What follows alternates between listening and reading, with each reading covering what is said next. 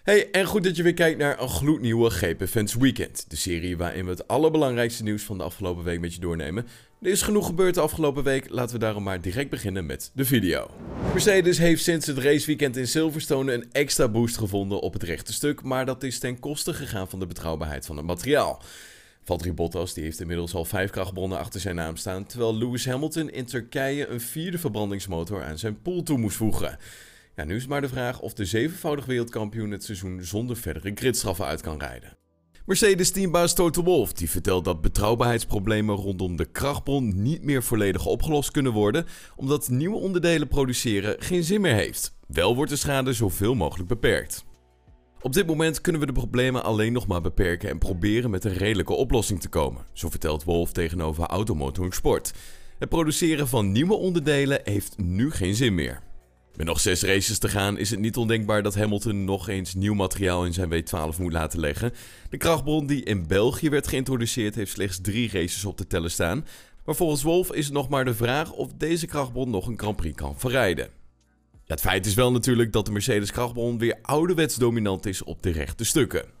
In het begin van het jaar hadden we een aantal problemen. De auto heeft nu meer snelheid dan in het voorjaar en de zomer, omdat we nu andere afstellingen gebruiken. Al dus Toto Wolf.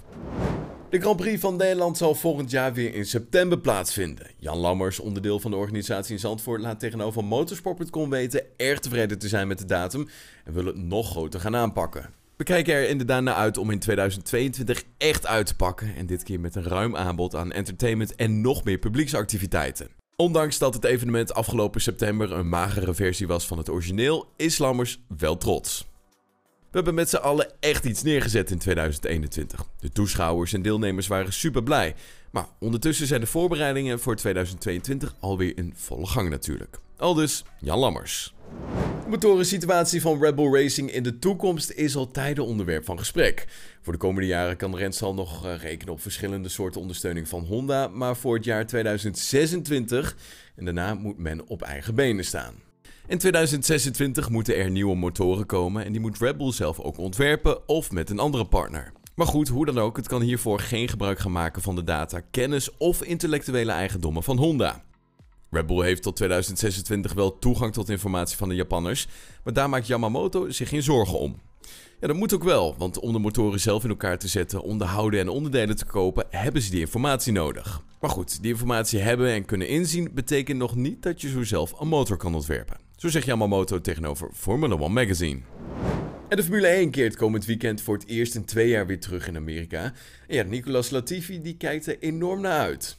Latifi die spreekt zelfs van een veredelde thuisrace nu hij weer zo dicht bij Canada komt. Het is een circuit die van alles heeft. De eerste sector is snel en vloeiend en lijkt me erg leuk. De rest is op lagere snelheid en vereist meer techniek, dus ik kijk er naar uit om die uitdaging aan te gaan. Het is de eerste keer dat ik terug ben aan de andere kant van de oceaan, dus geografisch is dit het dichtste wat ik kom bij een thuisrace in 2021. Het Italiaanse Pirelli die heeft de laatste testen van de 18-inch banden voor volgend jaar afgerond. Het circuit in Paul Ricard werd kunstmatig nat gemaakt en Daniel Fiat die mocht in zijn Alpine op de nieuwe banden rondrijden. Het is nu nog even wachten of de FIA de band volledig goedkeurt. Nou, zodra dat dan is gebeurd, kan er na de Grand Prix van Abu Dhabi nog door de teams worden rondgereden met de nieuwe band. Maar de echte test zal volgend jaar zijn tijdens de testdagen voor het nieuwe seizoen.